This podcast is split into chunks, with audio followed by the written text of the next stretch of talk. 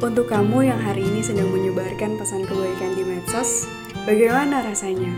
Apakah engagementmu 0, oh atau kau bahkan diblok karena dianggap tak berguna?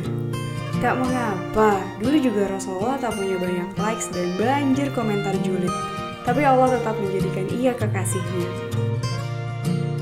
Untuk kamu yang hari ini sedang menciptakan karya, bagaimana hasilnya? Apakah melihatnya membuatmu dongkol tak terkira? Kau merasa ini tak layak dan tak berhak untuk tercipta?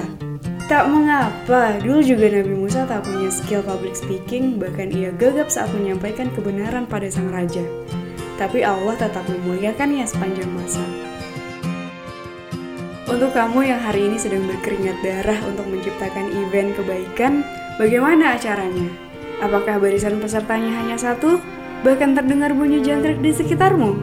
Tak mengapa, dulu juga Nabi Nuh 900 tahun menyuruhkan hal yang sama, peserta yang hadir tetap tak seberapa, tapi Allah tetap mengangkat tinggi derajatnya.